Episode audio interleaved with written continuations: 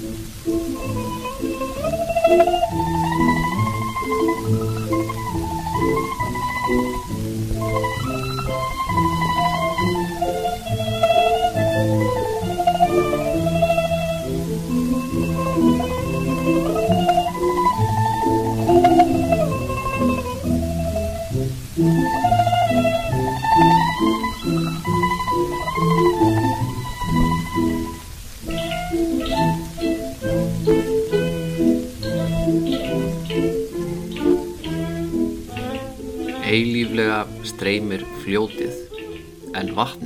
Er aldrei hið sama. Í tjörnum rýsa loftbólur til himins og hverfa. Ekkert er alveg stilt, ekki einu sinni eitt augnablík. Þannig er manneskjan og hennar umhverfi einnig. Í okkar tignarlegu og skínandi höfuborg standa hús hinn að lábortnu og hábortnu saman, rétt eins og í upphafi en fá eru húsin sem hafa fengið að standa kynsluðum saman. Eitt árið fallöðu í niðuníslu, annað árið endurist. Hversu oft hafa óðalsetur fyrri alda umbreyst í kofaskribli og kót þeirra næstu. Þannig er það líka með fólkið sem býr í þeim. Stræti borgarinnar yða af mannlífi eins og áður fyrr, en ég þekki fá andlit frá æskuminni. Dauða morni, fætta nóttu, allt fram streymir endalöst, Maðurinn heldur áfram en mennirnir hverfa eins og loftbólurnar á tjörninni, einn springur og önnur byrtist. Maðurinn sem skrifaði þessi orð í minni mjög svo frjálslegu þýðingu er þekktur undir nafninu Kamo no Chomei. Hann var einbúi, bjó í litlu koti á landareign ættarsinnar mest alla æfi, skáld, augljóslega en yfirleitt svona típa sem við rekumst á í neðanmálskrein í sögubókum ef það er haft fyrir því að nefnan á annað borð. En í dag ætlum við að gefa okkur tíma til að ræða þennan mann því hann er með svo litið óvenjulega rödd.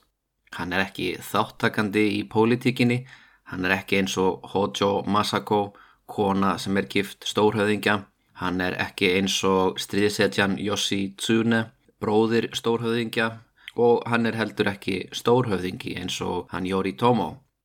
Þetta er venjulegu maður eða svona næstum því, hann er auðvitað ekki algjör almúa maður því þá hafði hann ekki getað skrifað það sem hann skrifaði.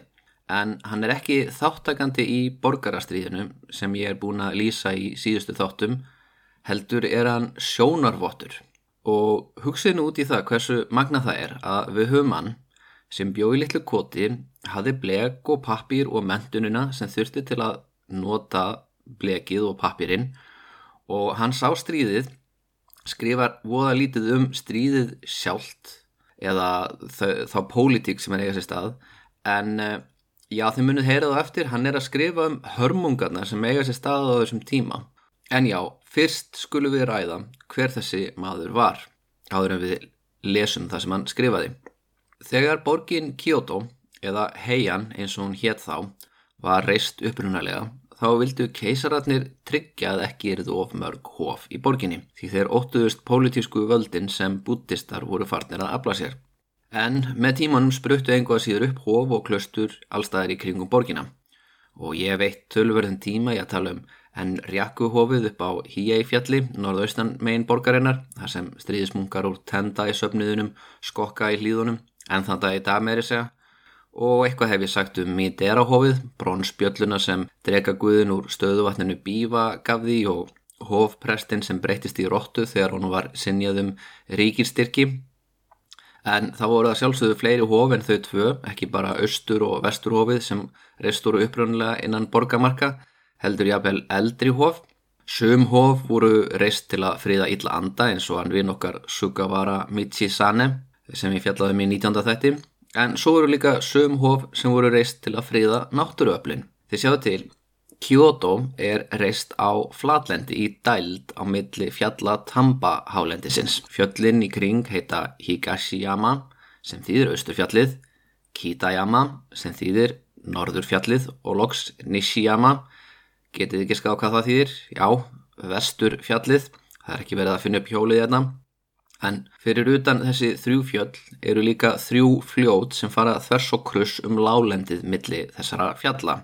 Það er Uji fljót sem ég hef nefnt áður þegar ég saði frá þjóðsugunum Oni sem eitt samúræði hjó höndin af Það er að segja að þessi Oni þóttistur að kona uh, sem var að leita sér aðstóðar um miðjanótt til að komast yfir fljótið og, og fekk að fara upp á hestbak með einum samuræja og, og umbreytist svo í skrimsli og samuræjin hjó af skrimslinu höndina. Og, og svo er hérna smá eftirmálið þar sem að skrimsli heimsækja samuræjin og tekur höndina sína aftur. En uh, í stuttumváli sagt þá gerist þessi þjóðsöga við Uji fljót á, á brúnni þar og svo var einn fyrsta úrstaborgarastriðsins háð á brú yfir Uji fljót einnig og kemur þannig fyrir í Heikei Monogatari.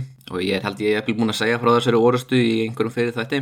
En eh, fyrir utan Uji fljót þá er Katsura fljót sem rennur hann í gegn. Og þegar Katsura og Uji renna saman þá mynda þau ána Yoto sem er mjög mikilvæg uh, samgöngu æð fyrir á öldum. Yoto tengir Kyoto saman við Osaka Það er að segja að þetta tengdi höfuborgina við aðal hafnarsvæðið.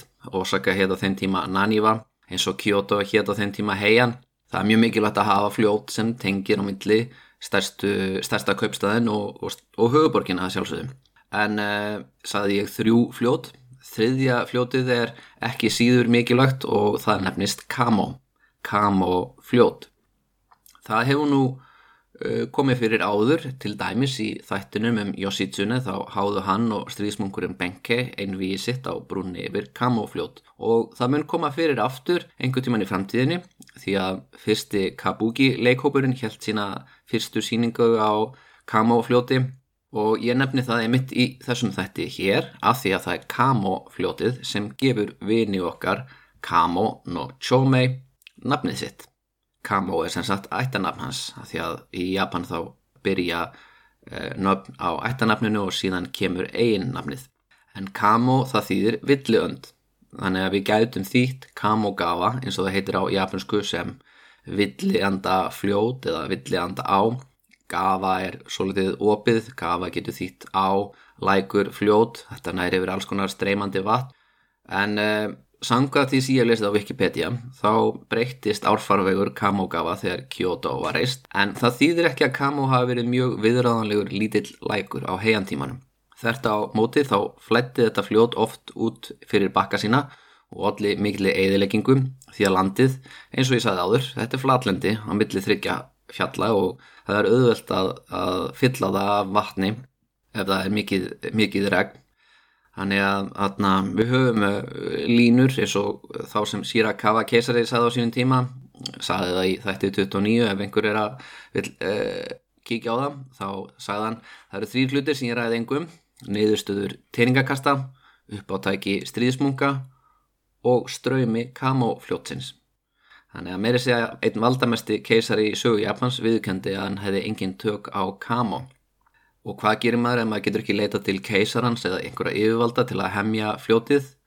Nú þá byður maður til guðana og í margar kynnslóðir þá hafði fjölskyttan hans Chomei séð um rekstur og helgiatafnir Shimogamo hofsins og þetta hof er eldra en sjálf Kyoto. Það er ekki bútist og það gæti meiri sé að hafa verið reist áður en bútismin kom til Japans og reist þá í þeim tilgangi að friða guðina sem bera ábyrð á Kamo fljóti. Sem sagt, bændunir í dalum þeir komu saman, reistu þarna byggingu og alltari til að friðþæja fljótið svo það skemmi ekki uppskjöruna eða, eða flæði ekki og rústi þorpunum í dalnum. Þar sem ekki var um búttístofaræða þá voru keisarnir ekki af henni sérstakar ágjör að því þegar höfuborgin reys og enda vildi þið líka að fljótið hagaði sér vel og er ekki að rústa nýju höfuborginni. Kammu keisari var orðin svolítið þreyttur á óviðræðanlegum fljótum því að hann hafi reynt að reysa aðra höfuborg í Nagaoka, skamt frá, en þar var allt og mikið af flóðum og, og vandraði með mýrina. Hann hefur sennilega viljað halda Kamó fljótinu góðum. En það segir sitt um mikilvægi Kamó fljótsins að Simo Gamó hofið er ekki einu sinni eina hofið sem var reist til að stilla ströym þess. En það hlaut hins vegar snemma keisararlega vend, til dæmis þá árið 965 fyrirskipaði Murakami keisari að sérstakki sendibóðar skildu heimsækja á hófið reglulega og tilkynna þrjumuguðunum í hófinu nýjastu fregnir. Þetta er svolítið skondið verkefni en, en örgulega svolítið skemmtilegt að leysa úr því. Þú ert ofinbær sendibóði úr uh, keisarhöllinu og þú ferði á fund guðana þarna í Simo Gamo og hofinu og þú tilkynni þeim bara svona hvað er það nýjasta sem hefur búið að gerast, hverjir eru búin að fá hvaða embætti og, og svo framvegis. Og allavega það eru nokkri mismunandi guðir, aðal guðin í hofinu er Gideon Tamayori sem er dóttir sjáaldregans Watatsumi en hún er einmitt sangkvæmt Kojiki, móðir fyrsta keisarans, hún er Jimmu og þar með formóðir keisarættarinnar. En uh, flesti guðirnir aðna þetta eru sagt einhvers konar þrjumuguðir sem er allt gott og blessað. En hvað segir þetta okkur um Kamo no Chome? Annað en að þessi samanbyrður hans í upphafið þáttar, samanbyrður hans á mannkynsögunu og mannlífinu og ströymi fljótsins og loftbólum í tjötunni er núna kannski farin að vera aðeins meira skiljanlegur. Hann fer oft í þessa uh, vatna fljóta ströms líkingu þegar hann talar um tíma og, og já bara mannlega tilvist. Nú Kamo fljótið það gaf ekki bara Shimo Kamo hofinu nafn sitt heldur Kamo ættinni sem sá um þetta hof og Chomei sem uppröðunlega fekk nafnið Naka Akira þegar hann fættist var annar sonur umsjónamanns hofsins eða svona prestsins við hofið. Chomei hann fættist annarkvort árið 1153 eða 1155 þannig að hann hefur verið annarkort ársgamall eða þryggjára þegar stríðsfylkingar Minamoto og Taira ættarinnar mættust í fyrsta sinna á gödum Kyoto en uh, þá voru það keisararnir Sutoku og Go Shirakawa sem börðust um völdin. Svo hefur hann Chomei annarkort verið 6 ára eða 9 ára þegar Minamoto og Yoshitomo reyndi valdarán sitt og það getur vel verið að hann hafi séð eða allavega einhverjir fjölskyldumæðlimir hafi séð úr fjarska hallir brenna og gödubardaga á gödum Kyoto þegar Það valdaran var bælt niður og Tæran og Kiyomori snýri aftur sigursæl með herlið sitt inn í höfuborgina. Chomei var allavega orðin úlingur um það leti sem Tæran og Kiyomori náði hátindi fræða sínar. Hann var sannlega ekki mikið að spá í Tæraættinni af því Chomei var að undirbúa sig undir að feta í fótspór föður síns. Þannig að segja, uh, hann gæti átt vona því að verða jafnvel aðstir prestur Shimogamo hófsins eða prestur í einhver af undirhofum þess En árið 1170 þá veiktist fadir hans Tjómei skindilega og lést fyrir aldur fram. Og Tjómei hefði þá mögulega átt að taka við sem höfuð Simo Gamo Hofsins en það gerðist ekki. Þetta var augljóslega eftirsótt staðan, hún skipti um máli pólitíst því fadir hans hafði hlotið ímsa stöður við hyrðinni í kraftið þess að vera prestur úr hofið en það átti ekki eftir að vera hlutskiptið hans Tjómei. Hvort sem hann var 15 ára eða 18 ára gammal á þessum tímapunkti þá komst ættbálkurinn að því að þeir í niðurstöðu hann var of ungur og óhendugur arftaki og þessi stað tók frændið hans Tjómei við stöðinni og Kamón og Tjómei hann er réttilega reyður yfir þessu eila alla æfi en hann var ekki slóttugur pólitíkus og á endanum gafst hann upp handspænis þessu ofurefli. Hann varð aldrei prestur við neitt af undirhofum Shimo Gamo og hann endaði á því að gerast munkur og byggja sér lítið kvot á landaregn sem kam á ættbálkurinn réð yfir þar sem hann bjóð einn og orti ljóð og skrifaði sem eru þetta happy óhappy fyrir okkur því að ef hann hefði orðið aðstu prestur í Shimo Gamo eða vil bara umsjónamaður í einhverju undirhofa þá hefði hann verið allt og upptekinn til að sitja og huglega og skrifa hjá sér vangaveltur.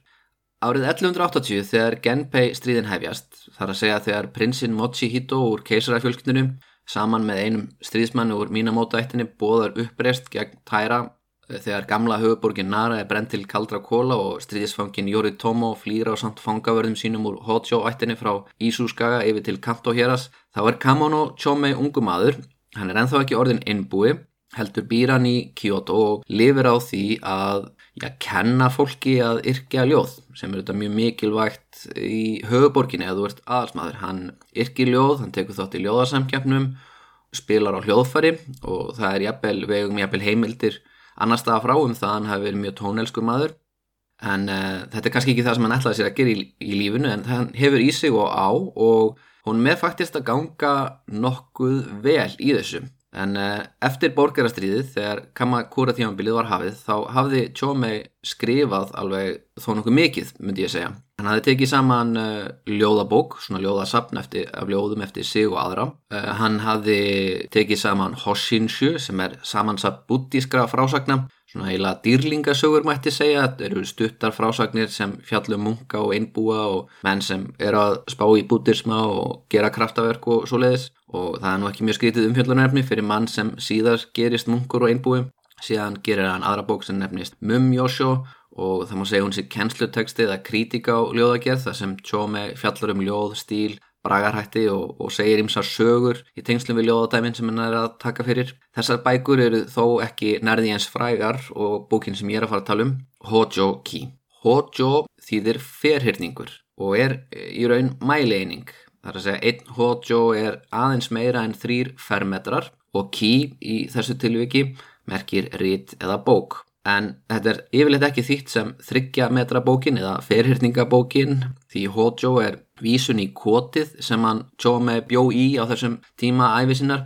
Hann skrifar hann eins og þegar hann er orðin 60, eh, munkur og einbúi og að skrifa hugleðingar í litlum þraungum kofa. Á ennsku, í allavega í ennsku þýðingunum sem ég er að stýðast við fyrir þennan þátt, þá er Hojoki þýtt sem The Ten Foot Square Hut. Stundum er þetta þýtt sem Records of a 10 Foot Square Hut en ég ætla að kalla þetta rít hugliðingar kotbúans því eh, stílinn sem hann Tjómei skrifar í er svona frjálslegur, þetta er svona eh, stíl það sem maður eh, skrifa niður alls konar pælingar, maður er ekki að setja saman eitthvað narratív eða söguþráð eða reyna beinleins að kenna fólki eittni neitt þetta er svona frjálstíl sem er kallaður Zui Hitsu það er að segja að Tjómei skrifar það sem honum langar að skrifum og Það sem situr í honum um 60 eru atbyrðir sem hann varð vittni að á aldrinu milli 20 og 40 þegar hann bjó í höfuborginni. Og ég nú þegar fjallaði með um eina bók sem er skrifuð í Zuhitsu stíl og það var atna, dagbókin hennar Sei Shonokon, Kottabókin og þessi tvö verk eru auðvitað mjög ólík því að Kamon og Chome hann er þunglindur og eilitið bitur einbúi sem býr upp í fjöllum meðan Sei Shonogon er slúðurdrottning og áhrifavaldur við keisaræhyrðina en þetta er sami bókmyndageri einhvað síður. Og Kamon og Chomei er eflaust undir áhrifum frá Sei Shonogon því við getum alveg gert ráð fyrir því að hann hafi lesið eitthvað úr kottabókinni en hann hefur líka fleiri áhrifavalda og sá stærstið þeirra er mögulega kínverska skaldið Po Chu Yi eða Bai Yu Yi eftir því hvaða kerfi við notum til að skrifa nafnið. En hann Po eða Bai er eitt frægasta skáld Tang tímabilsins, mögulegt stærsta skáld í sögu Kína og er nefndur á nafni Hojoki sjálfu. Þannig að þetta er ekki neina getgáttur í mér þannig að Kamon og Chome eiginlega segir okkur að hann sé að spá mikið í, í húnum bæ og hann bæ Jui á það sammeilegt með Kamon og Chome að, að hann gerist einbúi og hann skrifar um mikið hörmungatímabil í sögu uh, Kína hann lýsir An Lushan uppreysninni og fjöldamorðum og öðrum hörmungum í kjölfar þeirrar borgarastyrjaldar og þar með er Tjómei ekki bara með fyrirmynd í manni sem er að yrkja ljóð og gerist einbúi heldur e, líka með fyrirmynd í manni sem er að skrifa um samfélagslegt hrun. Já, annars vitum við þokkalega hvaða listræna áhrifavalda Tjómei hafði. Hann var fær tónlistamæður og ágætt skáld sem lifði á listsinni þegar þetta borgarastrið fer á stað. Meðal lærimestrar hans eru skáldið Sjómjó sem var eh, skáld sem var mjög fært í að yrkja töngur en naut ekki náðar hjá hyrðinni. Síðan var það frendi Chomei, Kamo no Shigeyasu sem stutti við Chomei svona fjáraslega má segja. Hann bauð honum að taka þátt í ljóðasamkeppnum sem hann held og það er meðal annars hann sem fær Chomei til að gefa út ljóðasapn undir einn nafni árið 1181 og svo er stóri áhrifavaldurinn í lífi Chomei skáld sem nefnist Shune og það er þaðan sem hann Chomei hefur mest alla fagufræði sína.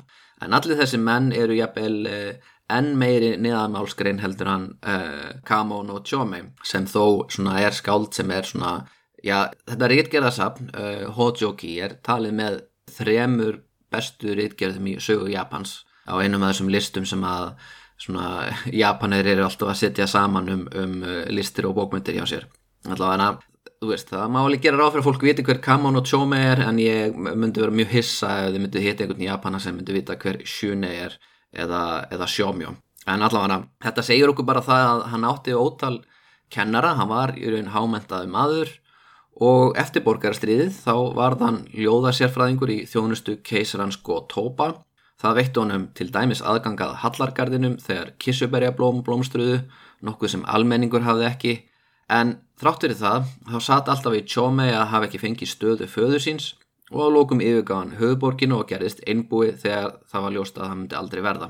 Og í hlýðum Hínófjáls í litlu koti skrifaði hann loks Hojoki, ritið sem hans er helst minnst fyrir. Og ritið, já, í uppæðu þáttar þá las ég byrjunalínutnar úr því riti og minna þeir ekki pínu lítið á hvernig Heikei Monogatari byrjar sem fjallar í um sömu borgarastriðal. Það er að segja veist, um hvernig allt í heiminum er hverfult og atna, verður að ösku og rík nema bara í þessu tilviki er tjómei að fjallum hvernig ströymur fljótsins heldur áfram endalust en vatnið er aldrei það sama. Eða þú horfur á tjöttina þá séu loftbólur koma upp og hverfa það er alltaf ný loftbóla en það er endast bara í, í stuttan tíma eitt sem hann ræ, ræðir mjög mikið í þessu ríti sínum fyrir utan þessa atbyrði sem hann verður vitnað það er atna kotið sjálf og ég ætla svona að lesa fyrir ykkur uh, nokkra línur sem fjalla um kvotið bara svo þið sjáu fyrir ykkur uh, hvar maðurinn er þegar hann er að skrifa þessa hluti niður og hann skrifar Þegar ég flutti hingað held ég að það erði þrömt um mig en fimm ár hafa nú þegar liðið. Þessi tímabundni dvalastadur er veðubarinn og á þakinu líkja rótnandi lauf á veggjunum grær mosi. Svo skrifur hann líka Í þessu óvaranlega koti er allt kyrt og það er ekkert óttast. Kanski er kotið lítið en það er plást til að sofa á nóttunni, sitja að degi til, svo fyrir eina manneski þýðir þetta engin óþægindi, krabbin velur sér kuðung eftir þörfum. Og svo kemur hann hérna með ágætispunkt. Það er þannig með fólk að það byggir ekki hús handa sjálfu sér heldur fyrir eiginkonur, fjölskyldu, ættingja og til að taka múti gestum, hvort sem um lærimeistara eða yfirbóðara er að ræða og til að hýsa gersemar eða hesta eða uksa. En ég hef reist þetta hús fyrir mína þarfir, ekki annara og þar sem ég hef engan félagskap, hvaða tilgangi myndið að þjóna byggja starra? Hvernig ætti ég að fylla það? Nú í skjóli hínófjáls hef ég sett upp þakbrún í söðurlutunum til að skíla mér fyrir sólinni og litla verund úr bambus undir henni.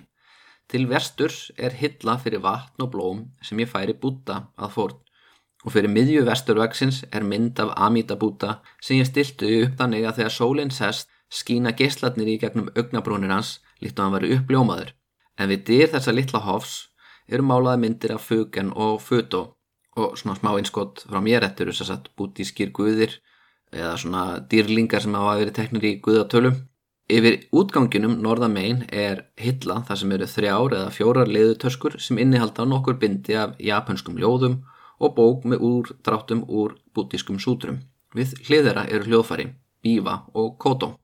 Og svo ég skýri þá er bífa nokkuð skilt indöskum sítar og þar með sömu fjölskyldu og gítarin og bandjóið skulum hlusta á smá hljóðdæmi hér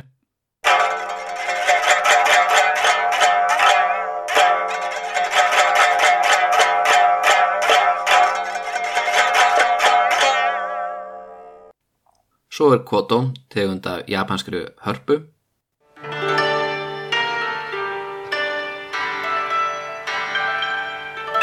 En já, það er pínu dullræn merking á baku það að búa á svona stað.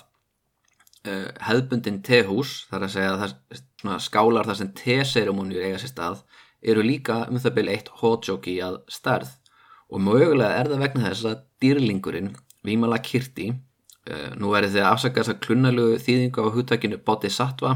Bodhisattva er svona eiginlega manneske sem hefur tekinni í guðatölu því að hún hefur hlotið uppljómun og hún er að endurfæðast til þess að hjálpa okkur hinnum að öðlast uppljómun. Eða þá að það er hægt að byggja til hennar og hún veitur okkur brotur sínum sinni visku. En sem sagt, sangkvæmtsögunni þá er Vímela Kirti talin hafa náð uppljómun og eitt af kraftaverkunum sem hann framkvæmir er þegar hann býður búta og 3500 af lærisunum hans inn í þryggja fermetra breiðan klefa sinn. Og tekur sér þetta mótið þeim og geður þeim að borða og svona. Og hann gerir það á svona þryggja fermetra svæði. Og Vímela Kirti er sérstaklega nefndur í Hojoki þegar Chomei veldur upp spurningunni er kotið mitt nokkuð annað en léleg eftirlíking af bólstað Vímela Kirti og svo eru vísanir í sjálfa súturuna sem er kendið þennan lærisveinbúta. Chomei hann hripa niður hinsbyggila á vangaveltur um heimana þrjá heim laungunar, formlösa heiminn og heim formana sem hann telur alla vera svona innan með okkur. Auðvitað er öll skinnjun, tálsín og blekking. Og svo lýsir hann því líka hvernig hann skemmtir sér við það að kyrja, spila á hljóðfari, fara í langa gungutúrum skógin, heimsækja hofin í nákvæðininu og spjalla við 16 ára piltin sem býr í öðru koti skamt frá á samt föðu sínum.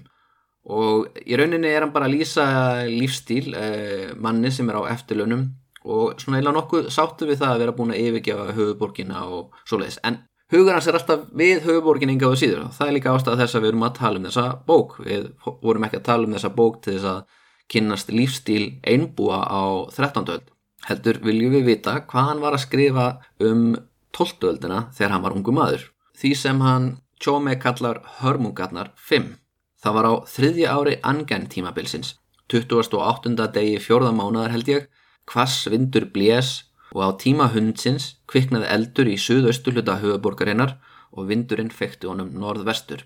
Allt, þar með talið Shujaku hliðið, Daikyoku setrið og innanríkisraðunitið brann til ösku. Þeir segja að eldsóðun hafi byrjað í Higuchi, Tomino Kochi í byggingu sem tímabundið hafi verið umbreytt í sjúkrahús. Hvað var þar eldin þá breytin úr sér eins og blævangur sem opnast, jafnvel fjarlægustu hús köpnuði í reik á meðan þau sem voru næst honum föðruðu upp. Himinin var öskugrár og á móti þessum svarta bakgrunni glóði eldurinn eins og morgun sól. Og á þriðji ári Angen, það er árið 1175 og Tjómi hann er að lýsa hérna eldsóða sem hann sjálfur sá með berum augum þegar einn þriðji hluti borgarina brann og þúsundir dóu. Svona eldsóðar voru ekki óalgengir þegar gerðust á nokkura áratuga fresti að því að já, eiginlega öll hús voru timburhús og þetta er viðvarandi vandamál í sögu Japans alveg fram á 19. öldina hversu algengir uh, stórir brunar eru í borgum já, kannski ég nefni það að tími hundsins það er klukkan 8 að kvöldi. En uh, eldsóðin hann endist í einhverja daga og að lokum þá álíktar Tjóme út frá þessu.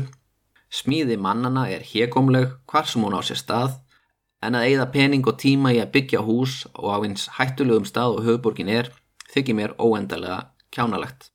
Það er svo ekki við uh, mikið öðru að búast þig frá manni sem er orðin einbúi en uh, auðvitað þegar eldsóðun átti sér stað þá var þetta hirðmaður á framabraut og hann hefur kannski séð eldsóðan aug, öðruvísu augum þá. Tjómi gatt hins vegar enga veginn grunað að þetta veri upphafið að mikillir hörmunga tíð.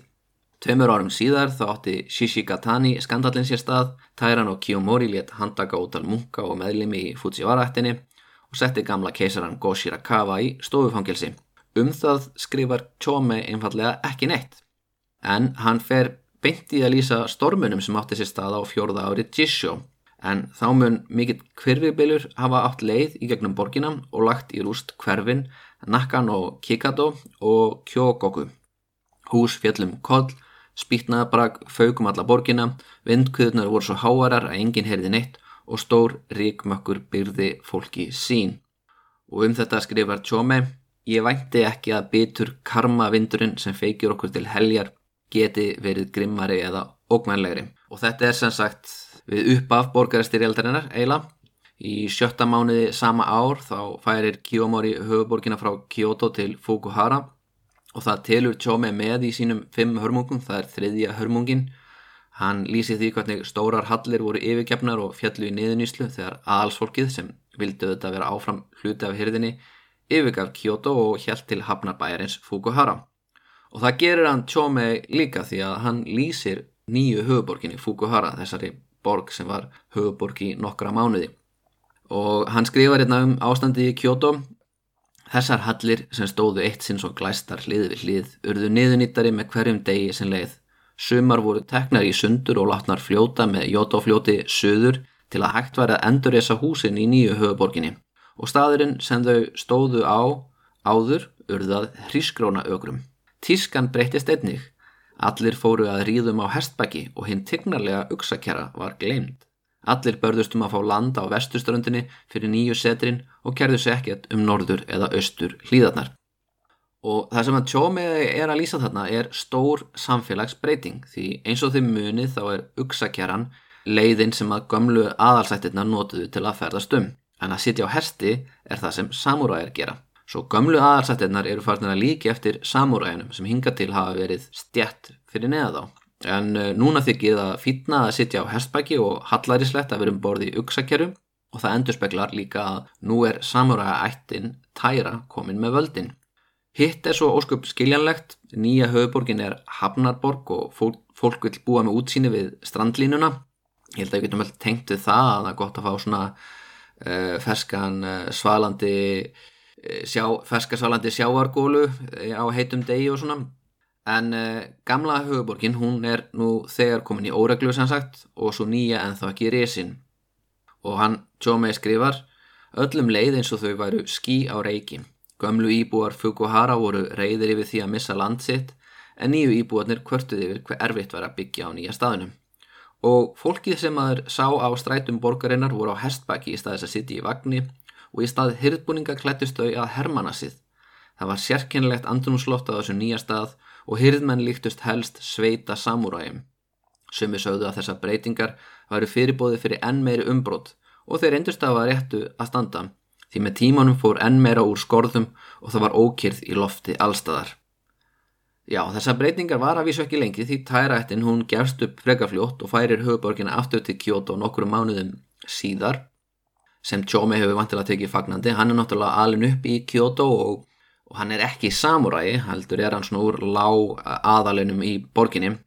Tærættin hún færir uh, höfuborgina aftur til Kyoto vegna óanægjurata en árið síðar hefst hungursnið. Sumrin voru of heitt eða sumarið var of heitt og þurkar allir því að plöntuna náði ekki vaksa en svo kom vetur og með honum komu stormar og flóð og það endar að því að bændur yfirgefa agra sína og halda til fjalla eða þeir ákveða að gerast betlarar í borginni. Og ofan að þetta eða kannski út af því, út af því að það flæðir í mikið af fólki á götur borgarinnar þá brýst út pláa og þráttur er að þessi pláa í borginni þá heldur hungusneðin áfram ári síðar því að veðrið er ekki að skána. Og hann skrifar Eftir því sem dagarnir liður leiðum eins og fiskar þegar vatnið þóttnar upp. Virðulegi borgarar sem vanilega báru hatt á höfðu og gengu í skóm fóru núna berfættir á milli húsa til að betla og maður gafti af undrun þegar þeir fjallu niður á miðjum vegi og dóu. Menn fram veggjum og í vegkantunum samaði lík þeirra sem hafðu dáið hungur dauða og það var enginn sem fjallaði þau. Þannig að hríkalegur ódöð fylti gödunar. Og þetta er býstna hríkaleg lýsing hjá Tjómei hann lýsir götum þar sem líkin eru svo mörg að þau hindra umferð og svo hvernig eldiviður, með þessi eldiviður er ekki lengur að berast inn í borgina þannig að fólk neyðist til að brjóta upp gömu líkneski, jafnvel byggingar hof og, og þannig hluti og selja spýtnabrakið eða nota sjálf til að kveika eld og hlýja sér. Og hann skrifar það kom hann í uppnám að sjá eld í eldiviðunum rauðlakkaða búta eða með gilda eða silfraða málmþinu en hangandi utan á honum. Það er að segja einhver rauðlökkuð súla eða silfruð stitta eða jæfnvel stitta með gildu svona gillingu hefur verið brotin í, í spónir og er núna nótið til þess að hlýja fólki. Það er sérst verið að kveikja í, í helgimönum og listum, list og bara já, gömlum húsum. Það er sagt um þetta leiti sem hann Yoshinaka mætir í höfuborgina, sigrar tærættina, hún Tomoe Gosen leðir 300 manna herliðin í borgin og allt það og Tjómi skrifar ekkert um það.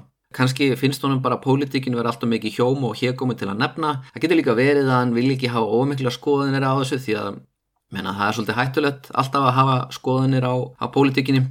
En það sem honum finnst takaði að lýsa er að hann segir frá því þegar aðstipresturinn við Ninna hofið ákveður að senda út munka svo þið geti skrifað sanskríptáknið A á enni sem flestra þeirra látnu af því að þannig ætlar hann að tryggja það að, að allir þessir fjölmörgu sem eru núna búin að deyja á gödum borgarinnar komist áfram í paradís vestusins þar sem Amita Buddha tekur á mótið þeim. Sangkvæmt honum tjómi þá tekst munkonum að merkja 42.300 lík. Það er nokkuð góð tala því að þið munið að ég hef oft nefnt í þessum þáttum að, að öllu jöfnu þá er íbúið að tala Kyoto á þessum tíma í kringum 100.000 ef þetta væri bara íbúðar í heian þá væri þetta 42% þeirra. En það getur vel verið að út af borgarastriðinu þá séu mikið af flottamönnum aðna og út á hungusneðinni þá getur ég verið fullt af eh, bændum sem hafa flosnað upp út á landi komið til höfuborgarina til að betla. Þannig getur vel verið að, að höfuborgin eh, innihaldi mikið meir en 100.000 á þessum augnabliki en uh, þið, þið skiljið uh, örvæntinguna sem ríkir í loftinu kannski aðeins betur núna af hverju hann Yoshinaka getur ekkert gert í því að hermenn hans byrja að ræna og rupla að því að þeir eru sjálfur orðnið svangir. Og þessi samúræðar þeir ráðast inn í hóf og, og ráðast inn í, í óðalsetur hjá aðalsmönnum og það leiði til þess að keisarin eða keisara ættin öllu heldur snýst gegn þessum Yoshinaka og byður Yoritomo um að koma með herlið söður og það getur vel verið að Yoritomo njóti góðs af því að hann er hérna lengra norður og, og hann ákanski eitthvað mat reynlega. Þannig að ef við sjáum borgarastriðið með í þessu ljósi þá kannski skiljum við betur af hverju keisarinn í rauninni snýst gegn Yoshinaka, býður Yoritomo í staðinn. Allavega það var ein leið til þess að skilja þessa atbyrðarás. En loks á öðru ári gennur Jakub, það er árið 1184, næst síðasta ár borgarastriðisins, þá rýður yfir fymta hörmungin og það er stærsti jarskjáltu í manna minnum. Og Tjómei skrifar Jörðin klopnaði í tvent og vatn flætti upp úr. Klettar, fjallu og rulluðu niður í dali, bátum út á sjó, kvóldi, jafnvel herstar á landi fundi ekki fótfestu meðan jörðin skalf. Ekkert hof, ekkert klöstur, törn eða grafísi kom óskattað út úr skjáltanum. Meðal þeirra sem þjáðust í skjáltanum var barn Samurai í kringum 6 eða 7 ára aldur. Hann hafði búið sér til lítinn kofa undir þakbrún og meðan hann leik sér í kofunum hrundi húsið ofan á hann.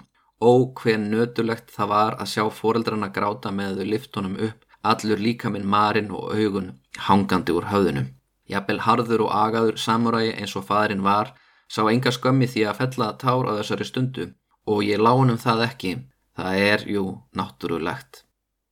Þetta er sérsagt skrifar hann uh, Tjómei um, um uh, tvo fóreldra sem eru nýbúin að missa 6 eða 7 ára dreng. Og ég veit svo sem ekki hvernig aðstæðum hann sér þetta. Sér hann þetta þegar hann er að lappa fram hjá þessa fjölskyldu í standa í húsa, húsarústunum og grafa upp uh, són sinn. Eða er þetta eitthvað fólk sem hann uh, þekkir betur, hann nefniðu ekki á nafn. En allavega við getum ekki kent Tæran og Kiyomori eða Minamoton og Yoritomo um þennan jarskjálta eða beinlis, við getum ekki kent þeim um eldsvoðan eða stormin sem riði yfir borginam en sennilega þá ber einhver að hluta til allavega politíska ábyrð á hungusneiðinni því að ef það hefði ekki verið fyrir þessa borgarstyrjöld þá hefði mögulega einhver matur borist til höfuborgarinnar og þeirra rúmlega 100.000 íbúa sem hún innihjælt. En leksían sem Tjómi dregur að þessu öllu er að lífið sé hverfult. Við eigum ekki að vera upptökin að því að eignast sífælt meira, heldur láta okkur næja þar sem við þurfum. Bókin Hojoki er skrifuð tæpum 20 árum eftir þessa atbyrði af 60 manni og hún veitur okkur insinn inn í já, bara eitt mesta hörmunga tímabil í sögu Japans. Eh, þetta er tímabil þar sem hræðilegt veðufar fer saman með pólitískum óstöðuleika og loks hrikalugum jarskjálta og það er þannig séð ekki skrítið á endanum hafið margir snúist gegn tæraættinni. Tímasetningin sem hann Kiyomori er að velja sér til að krína dóttursón sinn og fara að höfuborkina er mögulega bara ekkert sérstaklega góð Í næsta þætti höldum við áfram þar sem frá var horfið og ég segi frá öðru frægu bókmyndaverki, Hemd Soka bræðrana og um leið þá kynnistu við þessu nýja Japan sem Yoritomo og Masako er að skapa. Og svo eftir það þá kemur þriði hlutin í sögunu um nunnu sjókonin Masako. Það sem ég segi frá því hvernig hún reynir að stýra í gegnum sinni sína og á endanum ætleðir annan viðræðanlegri svon. En við endum þáttinn á ljóði eftir hann Chome, Ishikawa no, Semi no Ogawa no, Kyo kereba, Tsugi mo nagare o, Tasunete zo sumu. Í Ishikawa, í flúðum Semi, er vatnið svo tært að jafnvel mánin eldir ströymin uppi og sest þar að. Þetta ljóð var orrt í samkeppni haldina af Shimogamo hofi og þótti nokkuð gott en einn dómarinn vissi ekki að Semi væri samhitti yfir kamófljót og feldi því ljóðið úr keppninni. Það allir miklum deilum og vinslitum sem sínir hversu alvarlega fólk tók ljóðlistin á þessum tíma. Þetta ljóð er þó það eina sem lifir áfram, í það minnst að veit ég ekki hvar ég ætti að fletta upp sigurljóðinu í þessari keppni, en allir þessi ekki viðingandi að við séum að enda þáttin þar sem við byrjuðum með fljótunum. Fyrir tjómið þá var samfélagið og lífið eins og ströymhart fljót síbreytilegt og eigðandi afl sem eirir engum og það eru munkar eins og hann sem gefa okkur nýtt hugtak, hugtakið ukjó, það er að segja hinn fljótandi heimur. Ekkert er varanlegt í hinnum fljótandi heimi og við getum annarkvort ákveðið að vera bitur og reyði við því eða við getum gert eins og tjómei á endanum gerir í hugleðingum sínum, reynt að sjá fegurðina í hverfuleikanum því þegar öllu er á botnin kvöld þá ræður ekki einu sinni keitarinn hvert kamofljótið streymir.